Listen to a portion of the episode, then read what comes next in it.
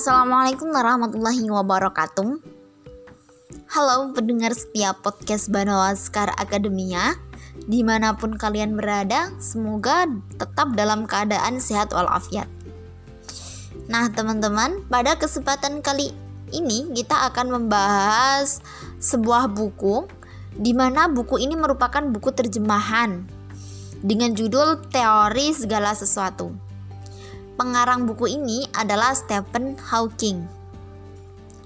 Pasti teman-teman sudah nggak asing lagi ya dengan penulisnya. Siapa sih itu Stephen Hawking? Nah, benar banget teman-teman. Jadi, Stephen Hawking itu merupakan seorang ilmuwan dengan pemikirannya yang luar biasa, di mana beliau adalah seorang fisikawan yang bekerja untuk membantu mengkonfigurasi ulang model-model alam semesta. Nah, ada beberapa kontribusinya, di mana kontribusi dari Stephen Hawking ini dapat kita ketahui dari beberapa karyanya. Nah, salah satunya adalah di dalam buku The Theory of Everything. Dan buku ini sudah disediakan dalam bentuk terjemahan. Nah, judulnya dengan teori segala sesuatu ini nih buku yang akan kita bahas pada episode kali ini. Oke teman-teman, jadi buku ini itu berisikan tentang sebuah teori yang memperpadukan empat gaya dasar alam semesta. Nah, empat gaya ini dinamakan sebagai gaya dasar sebab keempat interaksi tersebut itu yang bertanggung jawab atas seluruh gaya yang dapat diamati di alam semesta. Nah, interaksi empat interaksi yang dimasukkan ini adalah interaksi kuat, interaksi lemah, interaksi elektromagnetik, dan juga interaksi gravitasi. Oke, pada bab pertama dalam buku ini itu membahas tentang gagasan-gagasan tentang alam semesta, di mana penulis ini meninjau kembali terkait gagasan lama mengenai alam semesta. Contohnya, yakni pada abad ke-340 sebelum Masehi, di mana pada saat itu Aristoteles menyatakan dalam bukunya bahwa bumi itu bu seperti bola bundar. Jadi Aristoteles itu menyatakan kalau bumi itu layaknya bola bundar gitu.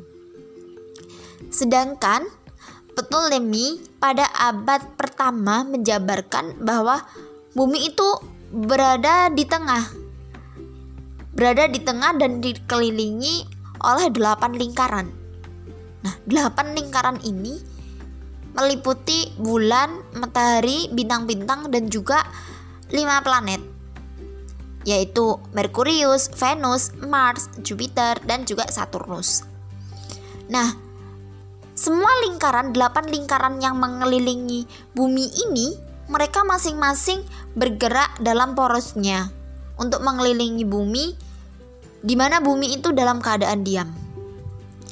Nah, berbalik dengan pendapatnya Ptolemy di mana Nicholas itu pada tahun 1514 beliau mengemukakan gagasan bahwasanya kalau matahari itu yang diam di tengah bukan bumi.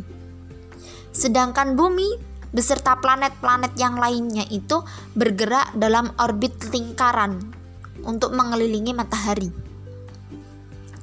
Kemudian dengan jarak yang singkat, tidak terlalu lama, itu gagasan dari Nicholas dimodifikasi oleh Kepler. Di mana Kepler itu menyatakan bahwasanya sebenarnya planet itu tidak bergerak pada orbit lingkaran melainkan orbit elips gitu. Nah, pada tahun 1687 Newton yang mungkin sudah nggak eh, nggak uh, asing juga ya di telinga kita bahwasanya ini Newton itu mempostulasikan hukum gravitasi universal. Nah, hukum ini itu menyatakan bahwa setiap benda di alam semesta berinteraksi terhadap benda lain.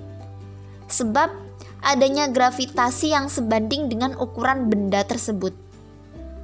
Nah, gaya gravitasi ini akan menjadi semakin kuat jika jaraknya itu berdekatan. Kayak gitu. Dengan adanya gaya gravitasi ini menyebabkan bulan bergerak dalam sebuah orbit yang berbentuk elips untuk mengelilingi bumi. Sedangkan e, bumi dan planet-planet yang lainnya itu bergerak dalam lintasan yang berbentuk elips mengelilingi matahari. Hal tersebutlah yang menunjukkan bahwasanya alam semesta itu tidak boleh stas, tidak boleh statis dan juga alam semesta itu harus mengembang serta mengerut. Nah, hal itu sebenarnya untuk mengembang dan juga mengerut ini sebenarnya sesuai dengan tiga model yang diungkapkan oleh Friedman. Nah, penjelasan ini dapat kita ketahui pada bab kedua dalam buku segala teori uh, dalam buku teori segala sesuatu. Lanjut untuk bab ketiga dan keempat ini sebenarnya saling berkaitan ya.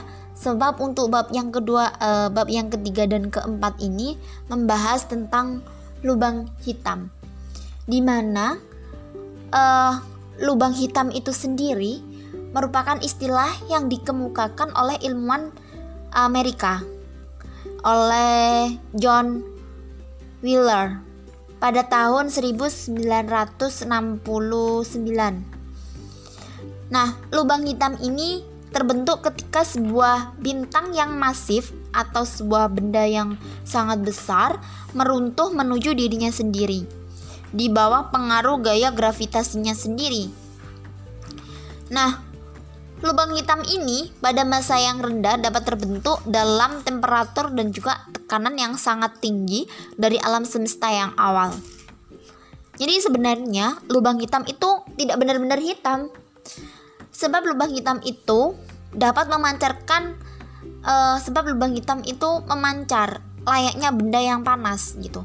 Jadi semakin kecil lubang hitam itu, maka akan lebih kuat pancarannya kayak gitu. Nah, untuk bab yang selanjutnya, yakni bab ke-5, ini buku ini tuh membahas tentang asal mula dan juga kebenaran alam semesta. Jadi kalau kita membahas tentang uh, uh, asal mula, buku ini itu tidak apa ya?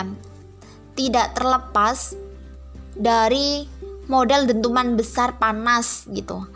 Jadi untuk yang proses asal mula dijelaskan tentang model dentuman besar panas. Kalau membahas tentang kepunal alam semesta, dalam buku ini dijelaskan tentang kondisi tanpa batas gitu. Oke, untuk pembahasan yang pertama, yakni tentang model dentuman besar panas, uh, ini mengansumsikan bahwasanya alam semesta itu kan selalu mengembang, terus temperatur temperatur bahan dan radiasi di dalamnya itu akan semakin menurun. Nah, sebab temperatur merupakan sebuah ukuran dari energi rata-rata partikel pendingin alam semesta yang memiliki efek mayoritas pada bahan-bahan yang ada di dalamnya. Nah, sehingga pada temperatur yang sangat tinggi, partikel-partikel ini akan bergerak ke seluruh bagian dengan sangat cepat. Gitu. Nah, sehingga ketika partik uh, sehingga partikel tersebut itu dapat lepas dari gaya tarik menarik terhadap gaya satu dan yang lainnya kayak gitu. E, terus ketika partikel-partikel itu mulai mendingin, partikel yang saling berinteraksi tersebut akan mulai berkumpul sehingga terjadilah yang namanya dentuman besar gitu. Nah, pada posisi saat itu maka bisa dikatakan di situlah terjadi awal mulanya kayak gitu. Sedangkan pada kondisi tanpa batas, ini menjelaskan bahwa sepanjang alam semesta itu memiliki permulaan. Di mana di sana itu ada singularitas waktu gitu. Orang dapat menganggap bahwa alam semesta telah diciptakan oleh agresi dari luar.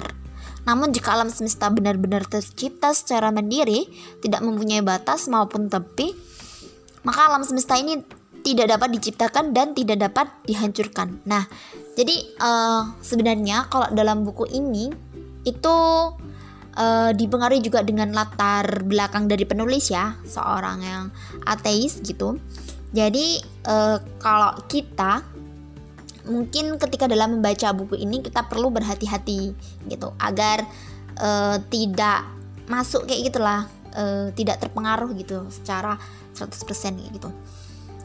Uh, untuk selanjutnya pada bab uh, pada bab yang keenam ini dijelaskan tentang arah waktu di mana uh, di situ dijabarkan tentang tiga petunjuk arah waktu yang berbeda, di mana ada petunjuk arah waktu termodinamika, terus ada petunjuk arah waktu psikologis, dan juga yang terakhir itu petunjuk arah waktu kosmik gitu.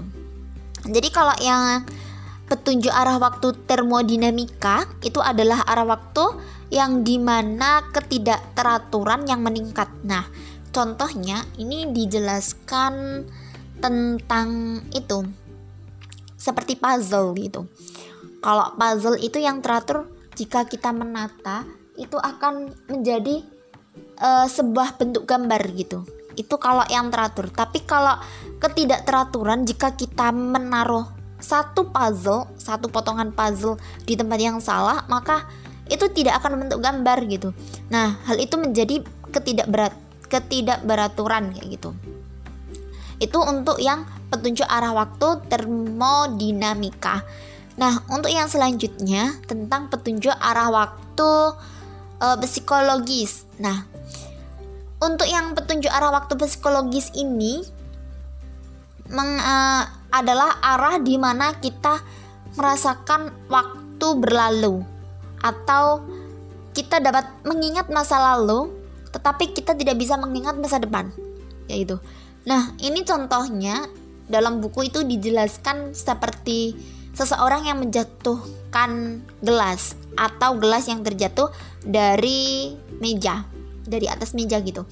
Nah, jadi kalau gelas yang jatuh dari atas meja, kita bisa mengingat gelas itu bagaimana ketika jatuh gitu. Tapi kita tidak bisa dan ketika kita merekamnya kita bisa memutar ulang gitu loh. Jadi kita bisa tahu oh ternyata jatuhnya seperti ini gitu. Tapi kita tidak tahu bagaimana uh, kalau misal bagaimana gelas yang udah jatuh itu kembali lagi gitu. Kita tidak tahu lah itu yang dinyama, dikatakan kita tidak bisa mengingat masa depan kayak gitu nah untuk petunjuk arah waktu yang terakhir yakni petunjuk arah waktu kosmik itu yakni arah waktu di mana alam semesta itu telah mengembang dan berkontraksi kayak gitu. Nah, ini berkaitan dengan tadi ya alam semesta itu mengembang dan juga uh, apa mengerut gitu. Uh, lalu untuk bab yang terakhir ini penulis berusaha untuk mendeskripsikan bagaimana kita itu untuk menemukan sebuah teori teori yang teori penyatu ya yang memasukkan mekanika kuantum, gravitasi serta seluruh interaksi fisika gitu. Namun ini jika kita menemukan teori yang lengkap, teori itu haruslah pada saat itu dapat dipahami dalam prinsip dasar bagi semua orang, tidak hanya bagi sebag sebagian kecil ilmuwan gitu. Jadi uh, semua orang itu bisa memahaminya gitu kalau memang kita bisa menemukan sebuah teori penyatuan gitu. Nah, nah gitu sih. Jadi uh, dalam buku ini tuh menje me apa ya menjabarkan tentang teori segala sesuatu di mana ini membahas tentang bagaimana sih kebanyakan itu uh, awal terbentuknya alam semesta kayak gitu. Nah, sebenarnya buku ini menjabarkan kurang lebihnya seperti itu gitu. Nah, itu saja sih teman-teman untuk review dari buku teori uh, Teori Segala Sesuatu karya Stephen Hawking. Mungkin itu dan saya ucapkan terima kasih kepada teman-teman yang sudah setia mendengarkan uh, post podcast pada episode kali ini. Uh, semoga kita bisa bertemu kembali atau teman-teman bisa mendengarkan kembali podcast episode selanjutnya. Terima kasih, saya akhiri. Wassalamualaikum warahmatullahi wabarakatuh. Terima kasih.